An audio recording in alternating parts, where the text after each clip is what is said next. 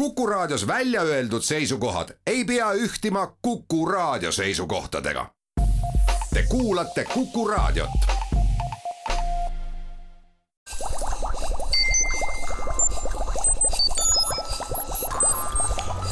kukkuv õun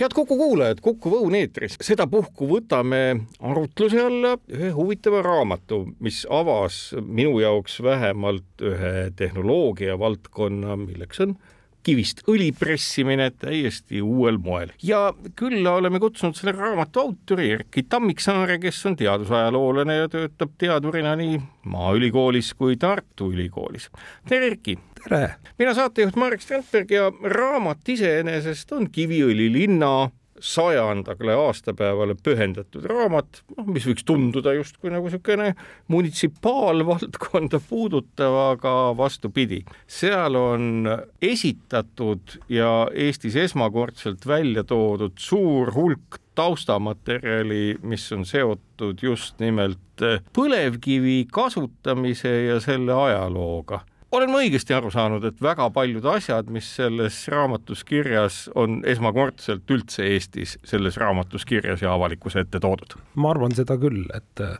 põhimõtteliselt ma peaksin mainima seda, et noh, see on ikkagi nagu Kiviõli keemiatööstuse raamat, aga see räägib ka Kiviõli linnast, selle sünnist ja selle arengust, sest ta on puhtalt seotud selle äh, Kiviõli või Steinöö AG, nagu seda alguses nimetati, et selle sünniga ja tõesti peab ütlema, et päris pikalt sai sellega tööd tehtud, et ma arvan, kaks tuhat üksteist oli esimene, kui ma alustasin nagu kivi või põlevkivitööstuse ajaloo kohta materjalide kogumist ning noh, tõesti nüüd alles see realiseerus siis raamatuks ning, ning kuna ma töötasin nii Saksa arhiivides, sõjaväe omades, poliitilises, välisministeeriumi arhiivis, Saksa riigiarhiivis, Venemaa riigiarhiivides, siis võib tõesti öelda, et seal on väga palju sellist materjali, mida pole noh, seni on avaldatud, kuna analüüsiti ja loomulikult ka Eesti arhiivide materjalid. kui ma võtan nii-öelda enda sellise mälestuse või kogemuse, siis kooliajast peale me teame või on meile õpetatud, et jah, Eesti soost teadlane Paul Kogermann on olnud suur põlevkivi eest võitleja ja selle tehnoloogia alusepanija. tegelikkuses on asjad hoopis teistmoodi ja ütleme, põhjalikud, saan ma aru, uuringud põlevkivi osas ja selle võimaliku keemiatööstusliku toorme kasutamise osas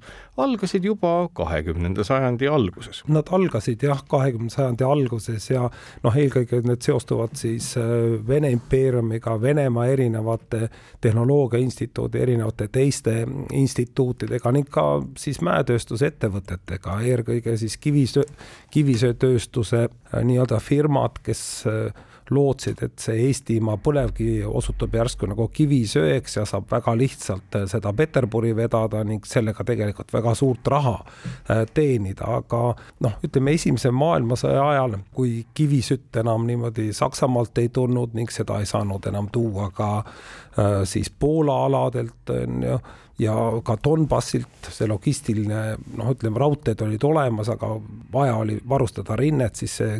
kivisüsi enam ei jõudnud Donbassist äh, Petrogradi.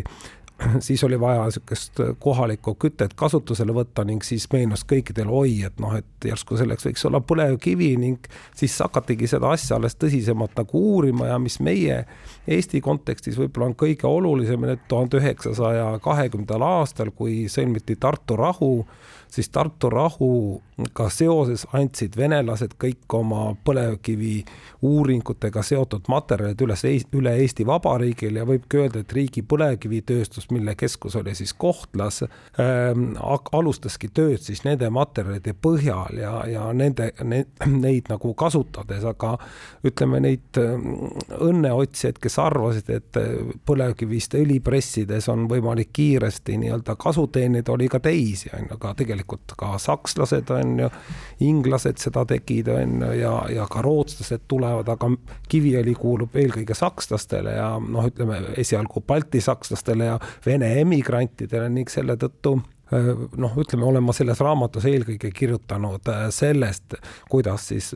Vene emigrantidest insenerid või baltisaksa insenerid ja keemikud, kes oli õppinud siis kas Venemaal Peterburi Tehnoloogia Instituudis või ka kasvõi näiteks Baselis, Zürichis ja mitmel pool mujal, siis tegelikult arendavad välja unikaalse tunnelahjude tehnoloogia, mida siis Kiviõlis kasutatakse ja peamine eesmärk on te-, te-, toota põlevkivibensiini. ma saan aru, et omamoodi kujunes põlevkivist selline kullapalavikulaadne asi ja selline nii-öelda torm selle pääle saigi kasvada just nimelt selle tõttu, et masinates, kõikvõimalikes sisepõlemismootorites põleva kütuse järgi nõudlus pisitasa ja üsna jõuliselt kasvas ja see müüt, et põlevkivi on möödapääsmatu on elus siiamaani või kas see on üldse müüt, et kas me võime pidada põlevkivi ka tänasel päeval siis vaatamata kõigile keskkonnaprobleemidele ikkagi selliseks fundamentaalseks toormeks Eesti jaoks? seda on selles mõttes nagu raske vastata, see on tegelikult ka poliitiline teema on ju väga tugevasti, aga aga kui me vaatame nagu Eesti arengut, siis oli kahtlemata üks võimalus jõuda põllumajandusriigist nii-öelda tööstusriigiks, et kes ka on nii-öelda nagu kaasaegne on ju, tal on oma tööstus on ju mis tuhande üheksasaja kolmekümnendatel aastatel, eriti just äh, Pätsi nii-öelda autoritaarsele, autoritaarsusele kalduva valitsuse ajal oli nagu väga oluline, aga tänases kontekstis ja noh, kui me vaatame, ütleme pärast teist maailmasõda, kui Nõukogude Liidus tegelikult ka naftatööstus läks nagu väga tugevasti tagasi ja oli vajadus selle põlevkiviõli pressimise järele, siis noh, tänasel päeval on selge, et noh, tegelikult me saame ju seniajani kasutada teda ookeanide laevadel, laevakütusteks, kuhu teda siis juba kolmekümnendatel aastatel müüdi ja selles mõttes tal on turg kindlasti olemas. kas teda nüüd, nüüd konkreetselt vaja, see on teine küsimus, aga, aga kõik sõltub ju hinnast ja tegelikult ka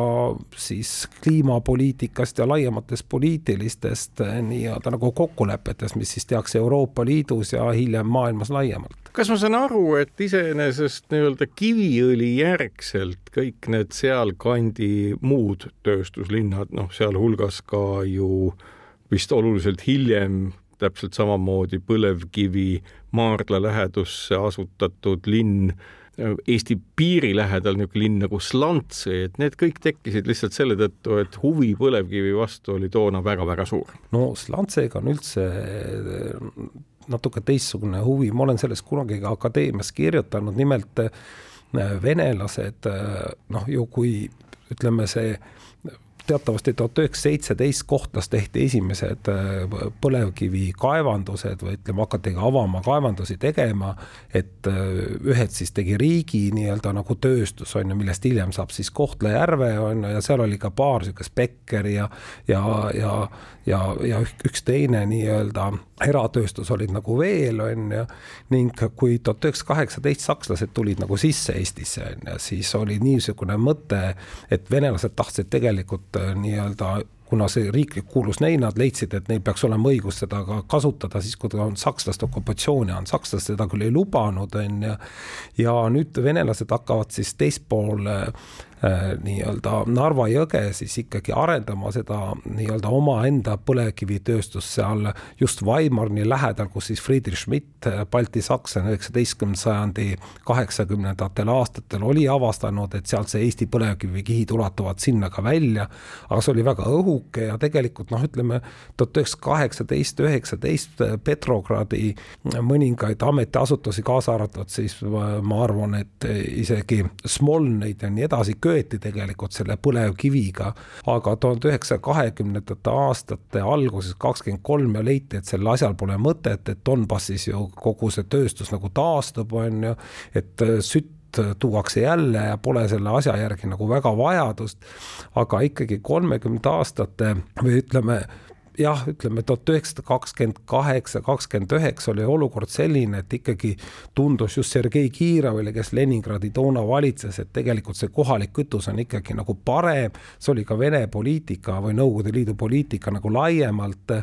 Ning äh, siis, kuna olid väga mitmed mehed, kes olid tegelikult selle Eesti põlevkivitööstusega või selle algusega olnud seotud, on ju, siis äh, nemad nii-öelda, Zwanziger on ja, ja mitmed teised mehed, on ju, kes tuhat üheksasada seitseteist, kaheksateist otseselt nendes asjades osalesid, siis noh, tuhat üheksasada kakskümmend kaheksa ilmub teatavasti riigi põlevkivitööstuse esimene ülevaade kümme aastat põlevkivitööstust Eestis. Ning seal oli ka kontsessioonide kaart ja see kontsessioonide kaart jõudis välja siis ka üle Narva jõe ja sakslased läksid või venelased läksidki ja kaevasid siis nii-öelda äh, seal Slantse piirkonnas ja avastasid siis väga suure maardla just tänu selle nii-öelda Eesti andmetele, tegelikult see noh, ütleme kogu see riigi põlevkivitööstuse kümne aasta raamat oli tegelikult ka vene keelde tõlgitud, ma olen seda ka ise Venemaal nagu näinud, see ei ole küll ilmunud, aga aga ta on nende nii-öelda põlevkivipatriootide materjalides olemas ja tänu sellele tekib ka põlevkivitööstus siis konkreetselt uuesti Venemaal ja see asi võetakse tugevasti üle, üles tõlgitakse eestlaste materjale, Kogermanni asju on ju ja ja Karl Lutsu ja, ja siis veel Emil Rudolf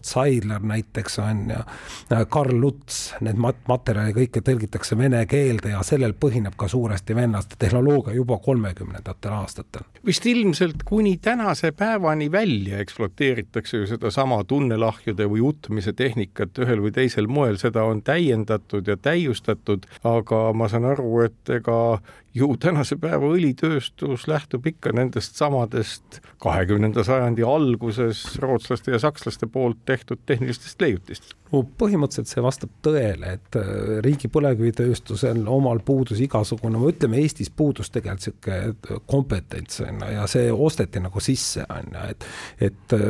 püstretorte hakati kasutama nagu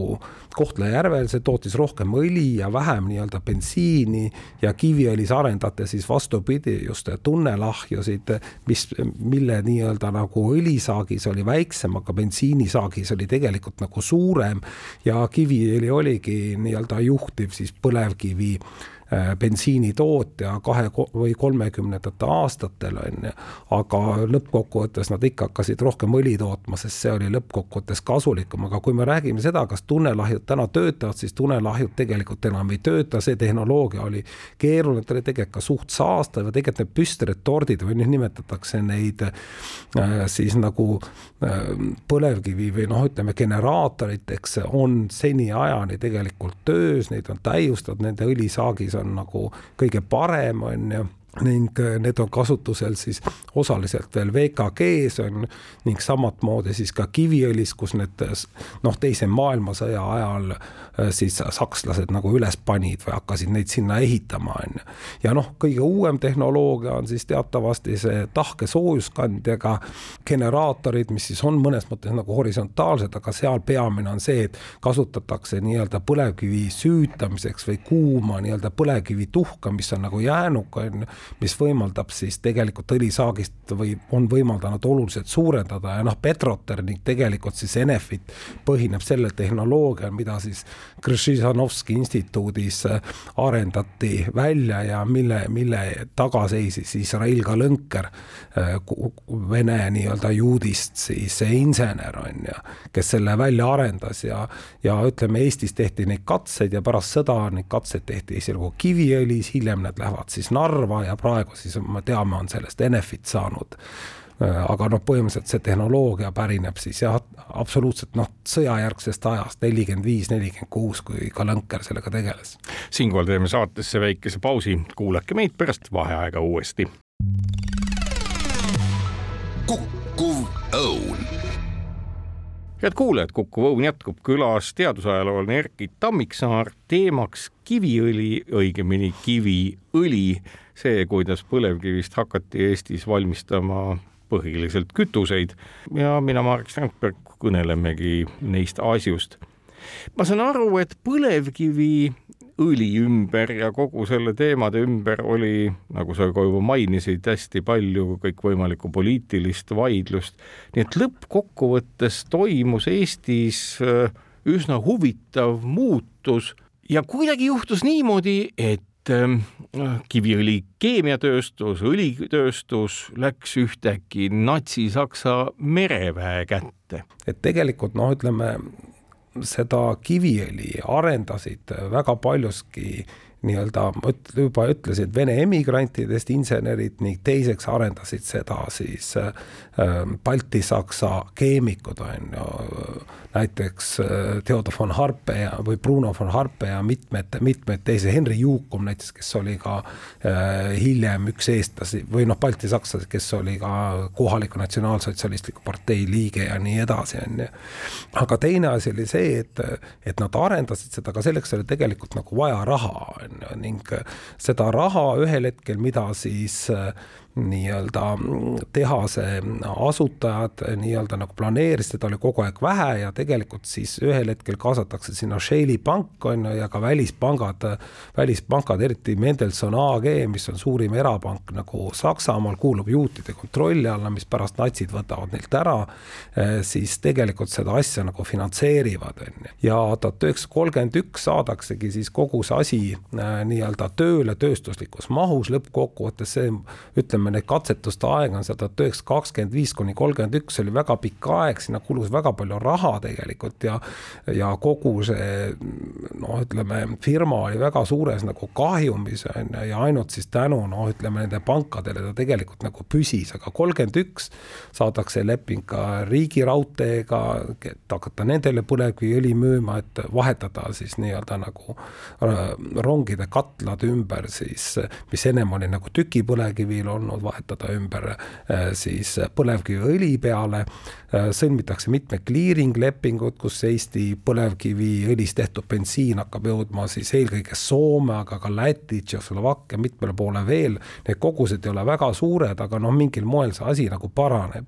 aga reaalsus on see, et, et tegelikult oleks nagu uusi turge vaja, et kuskile müüa, siis on üks nii-öelda Berliini Tehnoloogia Instituudi äh, siis professor Rudolf Trave, kes aitas tegelikult väga olulisel määral parandada nii-öelda seda õli või bensiinisaagis seal selles õlis tunnelahjades on ju, need olid väga keeruline konstruktsioon tegelikult seal taga ning äh, tema loeb tuhande üheksasaja kolmekümne viiendal aastal, et äh, Saksa mereväel on vaja nii-öelda rasket kütteõli ja Kiviõli just seda tootis, seal on Saksamaa sisesed probleemid, sest Saksamaa tegelikult pruunsööst sai ka väga edukalt töötada seda rasket kütteõli, aga nii Göring kui ka ütleme siis Saksa Natsionaalsotsialistlik partei toetas rohkem siis nii-öelda nagu bensiini tegemist sellest ja ja diisli, mitte niivõrd kütteõli, aga kuna Saksa laevad olid ehitatud suuresti selle kütteõli peale, siis oli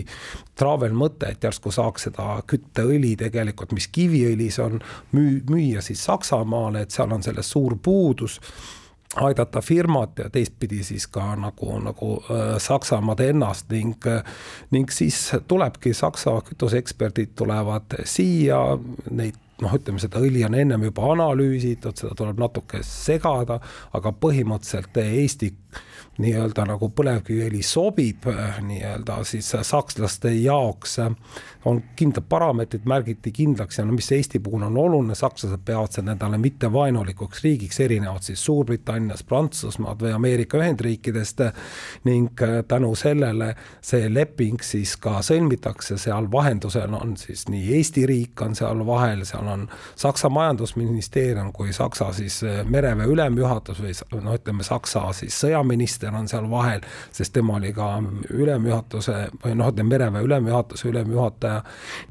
ning äh, Eestis siis toetavad seda väga tugevasti Karl Selter, kes on majandusminister, kes leiab, et seda tuleb igatpidi teha, on ju,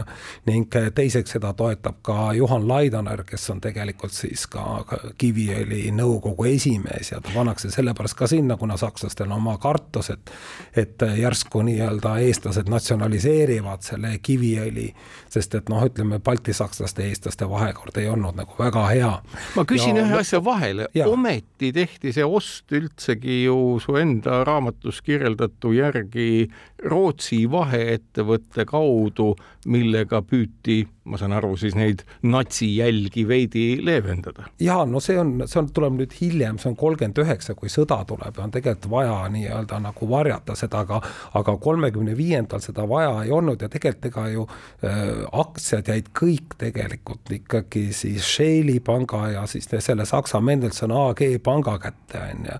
et äh, nemad võrdselt jagasid need ära ja tegelikult võeti kokku neli miljonit Saksa marka, eestlased andsid veel kolm miljonit krooni krooni, sellest ehitati püssi nii-öelda põlevkivielektrijaam esimene, mis paneb aluse siis Eesti keskle e-, elektrienergiasüsteemi või elektrivõrgu arendamisele kui sellisele, kui tuleb see riiklik jõukomitee kolmkümmend seitse ja nii edasi, et seal on mitmeid nagu arenguid, mis sellega seoses tulevad, aga meie vaates on oluline see, et, et et ehitatakse ka teine nii-öelda siis tunnelahjude hoone, esimene oli siis kolmkümmend üks valmib, teine valmib kolmkümmend seitse. see annab suurele hulgale inimeste tööd ja tegelikult ka noh, ütleme riik sõlmib neid lepinguid edasi, ka riigi põlevkivitööstus on te,, tehakse ju aktsiaseltsiks ju ja, ja tema peab hakkama ka põlevkiviõli müüma tegelikult Saksamaale. Ja samamoodi teeb ju seda ka Kohtla-Nõmme, mis kuulub brittidele ja tegelikult ka veel siis Sillamäe nii-öelda rootslaste kuuluv tööstus on ju. nii et nad kõik müüvad, et seal noh, ütleme pool õlist äh, läheb siis Saksamaale, see on umbes niimoodi mm, kümme protsenti Saksa mere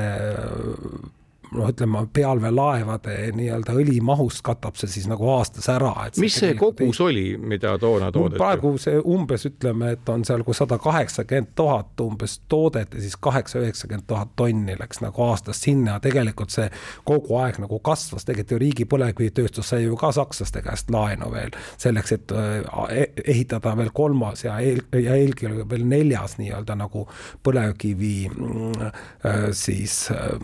vabrik valik on ju ning teatavasti, kui Nõukogude või tuli riigipööre ja pärast seda niimoodi Eesti inkorporeeriti Nõukogude Liitu, siis see jätkus Saksa raha eest tegelikult see edasi on ju. nii et need lepingud, mis mõned Eesti riik oli Saksamaaga sõlminud, ei, läksid nagu edasi ja noh, Eesti sai ju nende lepingute eest relvi endale vastu ja nii edasi. aga kolmkümmend üheksa olukord nagu selles mõttes muutub, et Shaley pank, mis tegutses väga palju Inglismaal, läheb moratooriumi alla Inglismaal selle tõttu, et ta aitab nagu nagu õli toota, ma ei ole uurinud, kas näiteks ka mm, riigi põlevkivitööstus või siis riigi esimene põlevkivitööstus ka äh, saab äh, nii-öelda, läheb sanktsioonide alla, äh, kuna nad ka just Saksamaale müüsid õli, et ma ei tea seda, et see on, oleks päris huvitav. ja nüüd Shaley pangal tekivad nagu raskused, sest et tal oli väga palju laene üleval seoses selle kiviõlitööstusega ning ta püüab siis nii-öelda Saksa merevägi on ka huvitatud tegelikult selle nii-öelda kiviõli endale ostmiseks, et kõik kogu õli oma kätte saada, et see ei läheks enam Eesti no ütleme kasvõi siis raudteele kasutamiseks on ju. ja selle tõttu tehakse niimoodi siis varifirma Kestor AB, mille kaudu püütakse osta, aga sellele paneb siis äh, Eesti äh, nii-öelda majandusminister Leo Sepp paneb käe ette ja ütleb, et neid aktsiaid ei tohi müüa, aga hiljem ikkagi noh, ütleme sakslaste survel ja vaadates seda baaside lepingut ja kõike, mis nagu Eesti poliitilist olukorda oluliselt halvendas, tuli seda siiski nagu teha. ja vahetult ennem äh, nii-öelda Nõukogude vägede äh, sissemarssimist äh, Eestisse on kõik aktsiad Saksa mereväe nii-öelda omanduses ning nad jõuliselt püüavad ka oma huve kaitsta ka Nõukogude võimuperioodil teeme siia väikese vaheaja ja kuulake meid edasi pärast seda.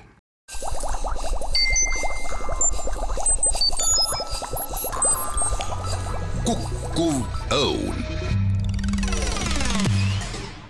head kuulajad, Kuku Õun jätkub, külas Erkki Tammiksaar, teadusajaloolane, mina saatejuht Marek Strandberg, räägime kiviõlist, kivist tehtud õlist ja kõigest muust. Kiviõli linn nimelt saab sajaaastaseks, aga taustad on väga huvitavad nagu näiteks ka see, et äh, olles nüüd ka ju nägemas seda, milline virvarr ettevõtluse ja huvide mõttes toimub äh, Vene ja Ukraina sõja kontekstis, oli see olukord, kus, mida sa just kirjeldasid, kus kütuste tõttu Eesti sattus olema väga erinevate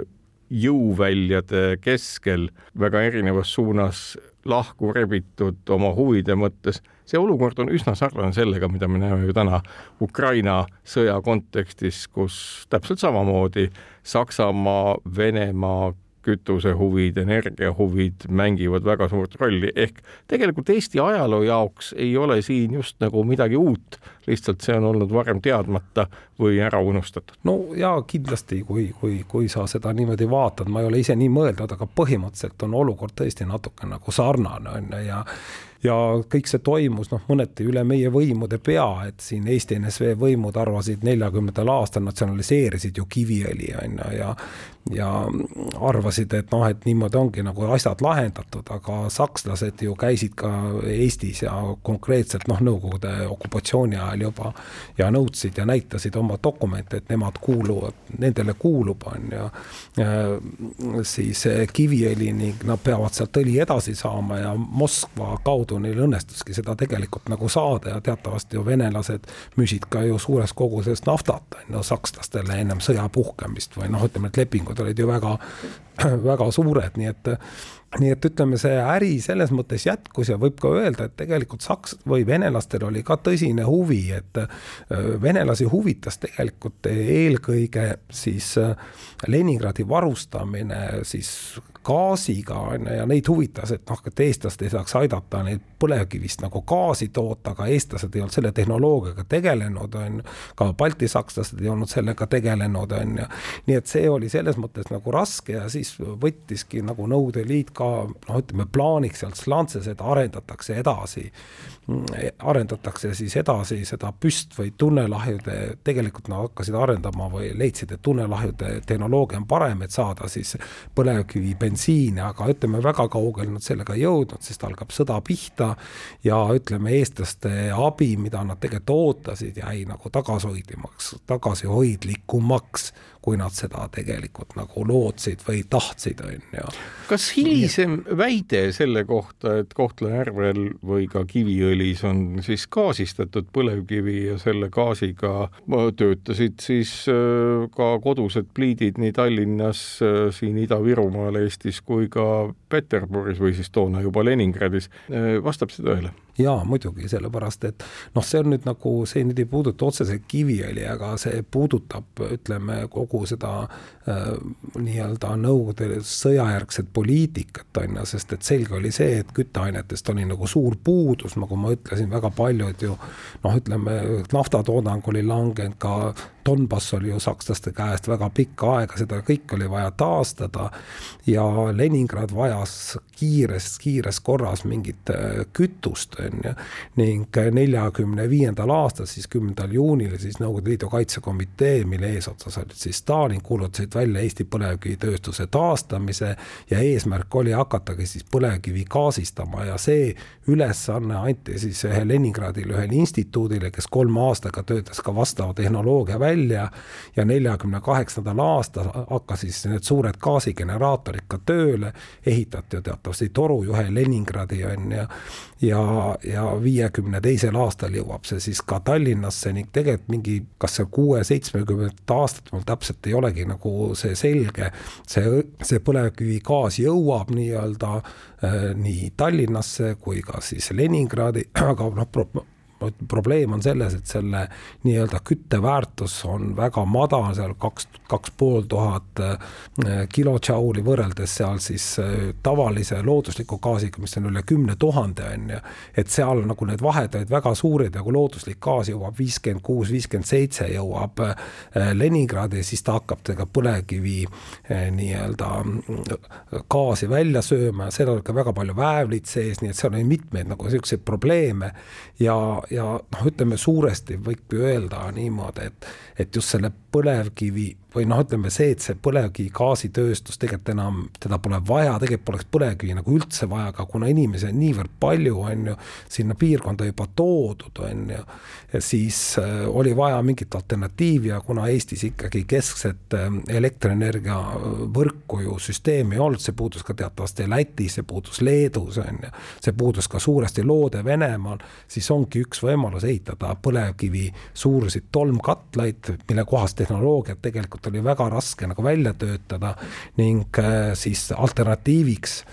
sellele, et need inimesed on, et sa ei peaks neid jälle kuskile küüditama, ehitataksegi tegelikult siis äh, suured põlevkivielektrijaamad, äh, mis meil on palju probleeme tekitanud, aga elektri igasse koju, kodu, kodu toonud alates kuuekümnendate aastate algusest. paar personaalia küsimust ka, äh, mainid oma raamatus põhjalikult seda, kuidas Mittendorfi nimeline inimene tegeles siis kahekümnenda sajandi alguses nii-öelda kogu selle põlevkivi teemade uurimisega Eesti aladel Saksamaalt pärit. kas temal oli ka mingi pistmine Aleksander Mittendorfiga, kes teadupoolest oli Hellenurme mõisa mõisnik ja ka Eestis oluline tegelane, noh, Mittendorfid ilmselt ikka omavahel sugulased, aga millises astmes? no ta oli jah, et ma nii täpselt ka ei ole vaadanud, aga ta on Mittendorfi siis äh, isapoolse venna mingi, ma ei tea, mitmes liin seal, aga põhimõtteliselt jah, nad olid äh, tegelikult äh, sugulased, sugulased küll. ehk et kogu see Balti-Saksa selline kogukond iseenesest mitte ainult ei öelda, valitsenud või ekspluateerinud, vaid ka uuris ja arendas ikkagi, nagu me küll keele, küll teaduse mõttes teame ju paljut täpselt samamoodi ka veel kahekümnenda sajandi alguses siin toimuvat. ja, ja muidugi, et nad ja mis peab ütlema ka, et vot kui eestlased õppisid siin, ütleme nüüd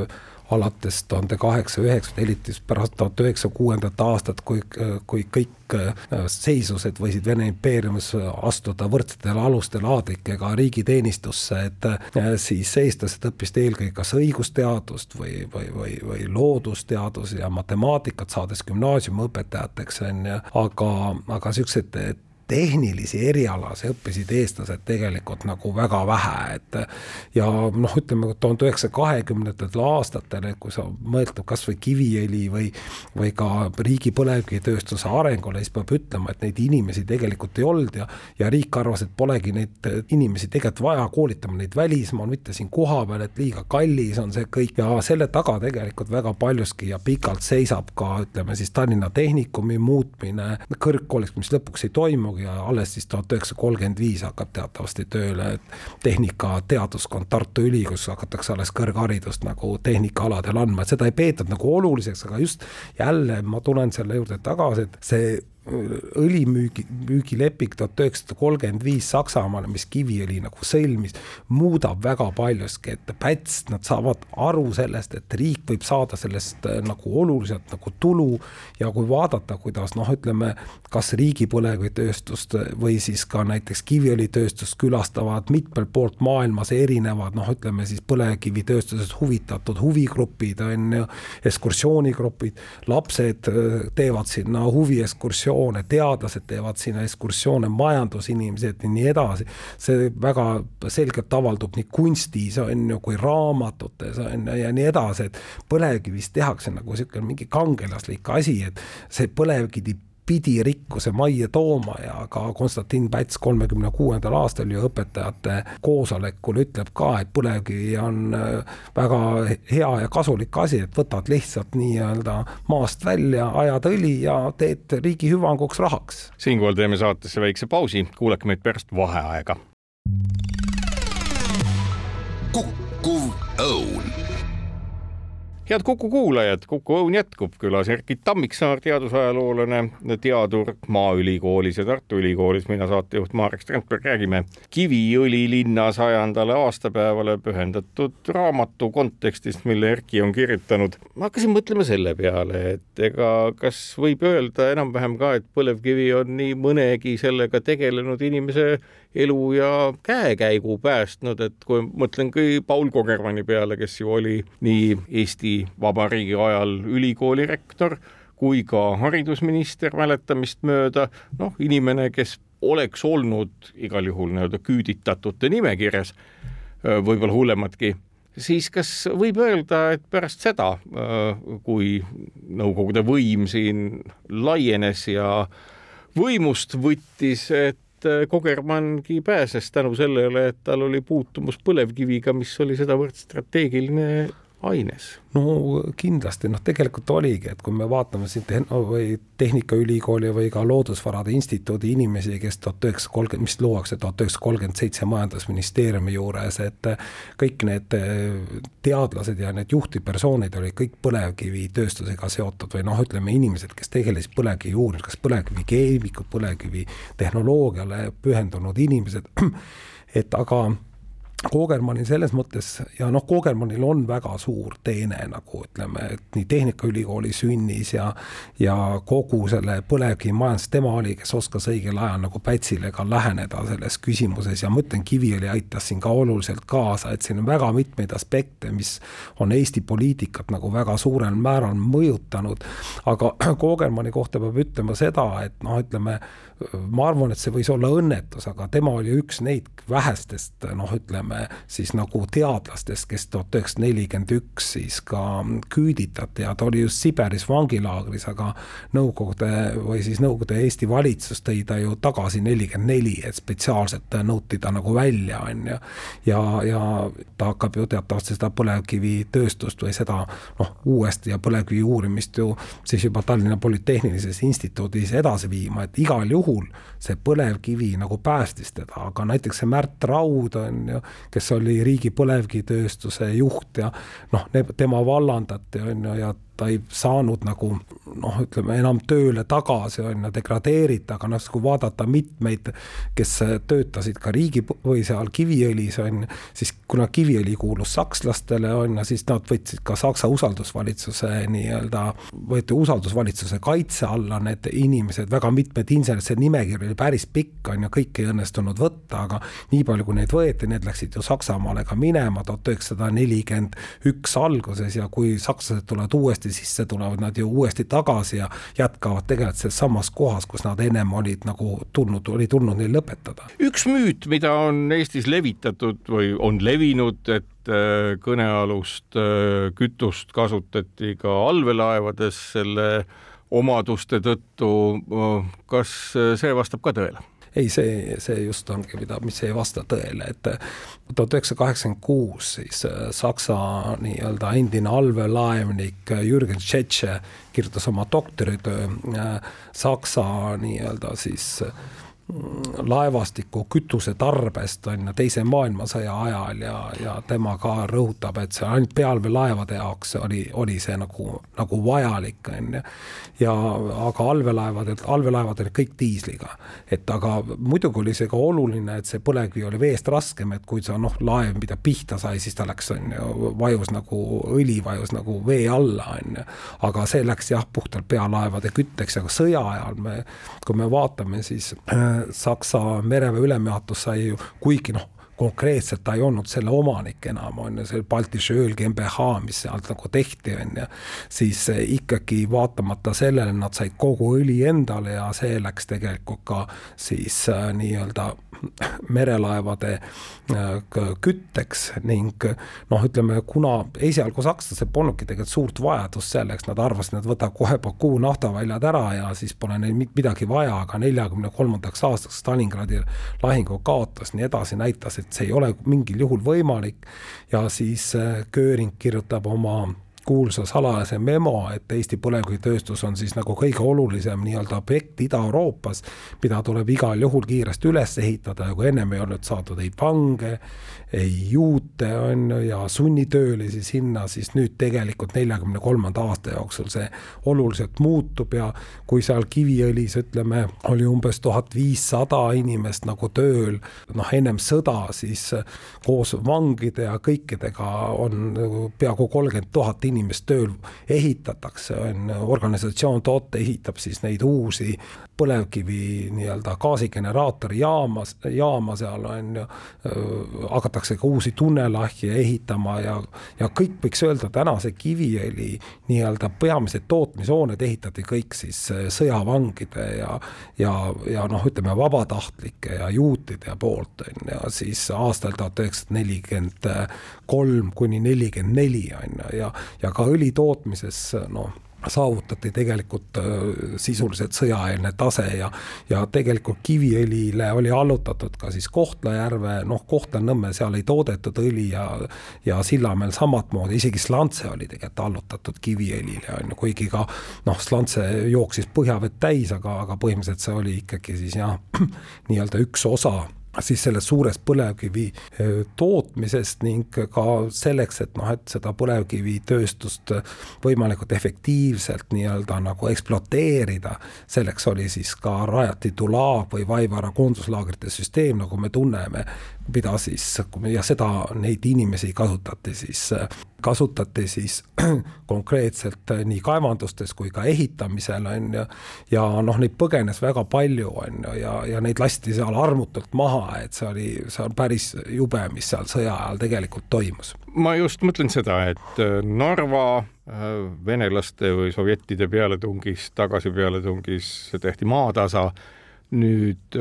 kas mul on õigesti meeles, et kogu see põlevkivitööstuskompleks jäi ju enam-vähem terveks? ja suuresti jäi terveks jah, ja võib-olla ka venelased ei tahtnud seda nii pommitada. just, just, ma mõtlengi, et see on teine põhjus just. see tõenäosus see on, aga no ütleme, ta oli ka suht hästi kaitstud, seal oli ikka sajad õhupallid olid üleval, on ju, ja noh, ütleme lennukitel sinna suht raske nagu juurde tulla. ja tegelikult kuni viimase hetkeni seal mingi kuueteistkümnenda septembrini ju ehitati veel seda edasi lootusel, et noh, et rinne jääb nagu seal seisma, on ju. aga noh, me teame, et see niimoodi ei läinud ja tegelikult nad süütasid, ütleme ikkagi tunnelahjude esimene ja teine tunnelahjude nii-öelda hooned ju tegelikult süüdati ning ning lõhuti, eelkõige lõhuti elektrigeneraatoreid, on ju, ja venelastel oli tegelikult väga keeruline pärast just seda elektrisüsteemi üles ehitada, see väga kaua venitas tegelikult ka nii-öelda tööstuse käimasaamist siis äh, pärast sõda ja ja ka noh, ütleme, kuna tehnoloogiliselt see keeruline, venelastel ei olnud neid äh, jooniseid, need alles neljakümne viiendal aastal saadi nagu Saksamaalt, kui nad, kus nad olid evakueeritud, siis tänu sellele hakati vaikselt taastama, aga kogu see metallipuudus, mis oli noh, juba sakslastel oli see venelastel samamoodi, see võttis kõik hirmsamal kombel aega ja noh, alles seal viiekümnendal aastal saadi ju kõik neli nii-öelda tunnelahju tööle ja, ja ütleme, need nii-öelda gaasigeneraatorid või püstretordid on ju, mida sakslased kaheksa tükki ehitasid ja mis praegu Kiviõlis peamiselt õli toodavad, on ju. Need ju said alles seal viiekümnendate aastate teisel poolel, nii et väga pikalt võttis see aega, et tegelikult seda tööstust taastada ja noh, see oli juba sihuke aeg, kus kohas tegelikult Venemaa viiekümnendate aastate teisel poolel on muutunud maailma suuruselt teiseks naftatootjaks ja neil tegelikult polnud enam seda seda nii siis vaja. Mis sulle kui teadusajaloolasele kogu nende materjalide läbitöötamise tulemusena ehk selline suurim ahaa-elamus oli, noh minule see, et mustrid, mida me näeme täna maailmas energia ümber sõja kontekstis, on üsna kordumatult olnud seda juba varem. Äh,, oli sul midagi, mingi aspekt, mis äh, oli niimoodi, et äh, ma ei ütle, et suu lahti vajus, aga vähemalt nii-öelda ahaa-elamus oli märkimisväärne. no muidugi see poliitiline seotus nagu see Eesti noh, ütleme Laidoner, kes kaitses tegelikult ka Kiviõli uue parlamendis ja nii edasi, aga minu jaoks oli, ütleme võib-olla laiemalt, kui vaadata äh, väga suureks ahaa elamuseks see, et kui Kiviõli on ju seal kolmekümnendatel aastatel ja kogu see vabrik vastutas tegelikult ka inimeste eest, ta ehitas tal neile ju neid barakke on ju, ta püüdis parandada nende elutunnetust on ju, varustas neid elektriga, on ju, andis neile seal äh, põlevkivi, et nad saaks seda kütta, on ju, noh, natuke nad pidid selle eest maksma, aga nii edasi.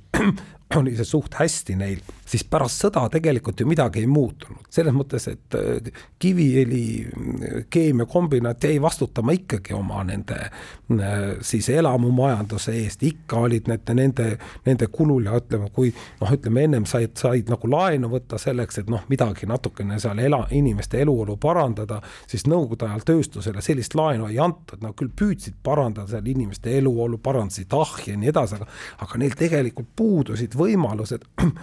ütleme riigi poolt võimalused, sa küll tööstus, tootmise jaoks said sa laenu võtta, aga sa ei saanud inimeste eluolu parandamiseks tegelikult laenu võtta ja nad olid kõik sõltuvad sellest, selle tõttu oli väga suur tööjõu voolavus ja alles siis seitsme, seitsmekümne teisel aastal oli niisugune mees nagu Kirill Poletajev, Murumets, äh, kes oli siis Vene emigrantide poeg, äh, kasvas üles siis Kiviõlis ja kes tegelikult siis no kuidas ma ütlengi, oli saanud Kiviõli keemiatööstuse direktoriks, tema oli see, kes viis sisse selle äh, juubeli tähistamise, on ju, siis käis Vene naftatööstuse minister, sest et noh, tegelikult Kiviõli oli ennem, pärast sõda, ta oli ju Eesti NSV nii-öelda põlevkivitööstuse ministeeriumi alluvuses, aga siis kuuekümne viiendast või viiakse ta siis üleliidulisse alluvusse ja, ja siis see minister käib siin ja siis see Poletajev või Murumets näitab, kui kehvasti inimesed elavad ja siis anti mitu miljonit rubla ja siis hakatakse Kiviõli välja ehitama ja tegelikult siis paranevad väga oluliselt nagu nende inimeste elutingimused, nad saavad nendesse suurtesse majadesse, mida me teame ka täna, on ju. nii et ja need vanad barakid lõhutakse maha ja tegelikult neid täna sisuliselt seal Kiviõlis enam näha ei ole, aga see ei tähenda seda, et need suured üheksakordsed majad, mis toona ehitati ja viiekordsed, et need ka väga kehvas seisus täna ei ole. nii et ja, ja ütleme, mitu korda tahtis ka Kiviõli ju lahti saada ja linnale üle anda seda elamufondi, aga see juhtub alles Eesti Vabariigi perioodil, et nii et noh, nad on vastutas tegelikult kogu selle pika aja, aja jooksul on nad sisuliselt ka oma inimeste eest kogu aeg vastutanud, mis minu arvates Nõukogude kontekstis on täiesti noh, ütleme nagu arusaamatu või mis mulle tundus täieliku noh, ütleme niisuguse imena. Aitäh, Erkki Tormiksaar, sellega on Kuku Õuna saade läbi, kuulake meid jälle täpselt nädala pärast ja kaunist päeva teile!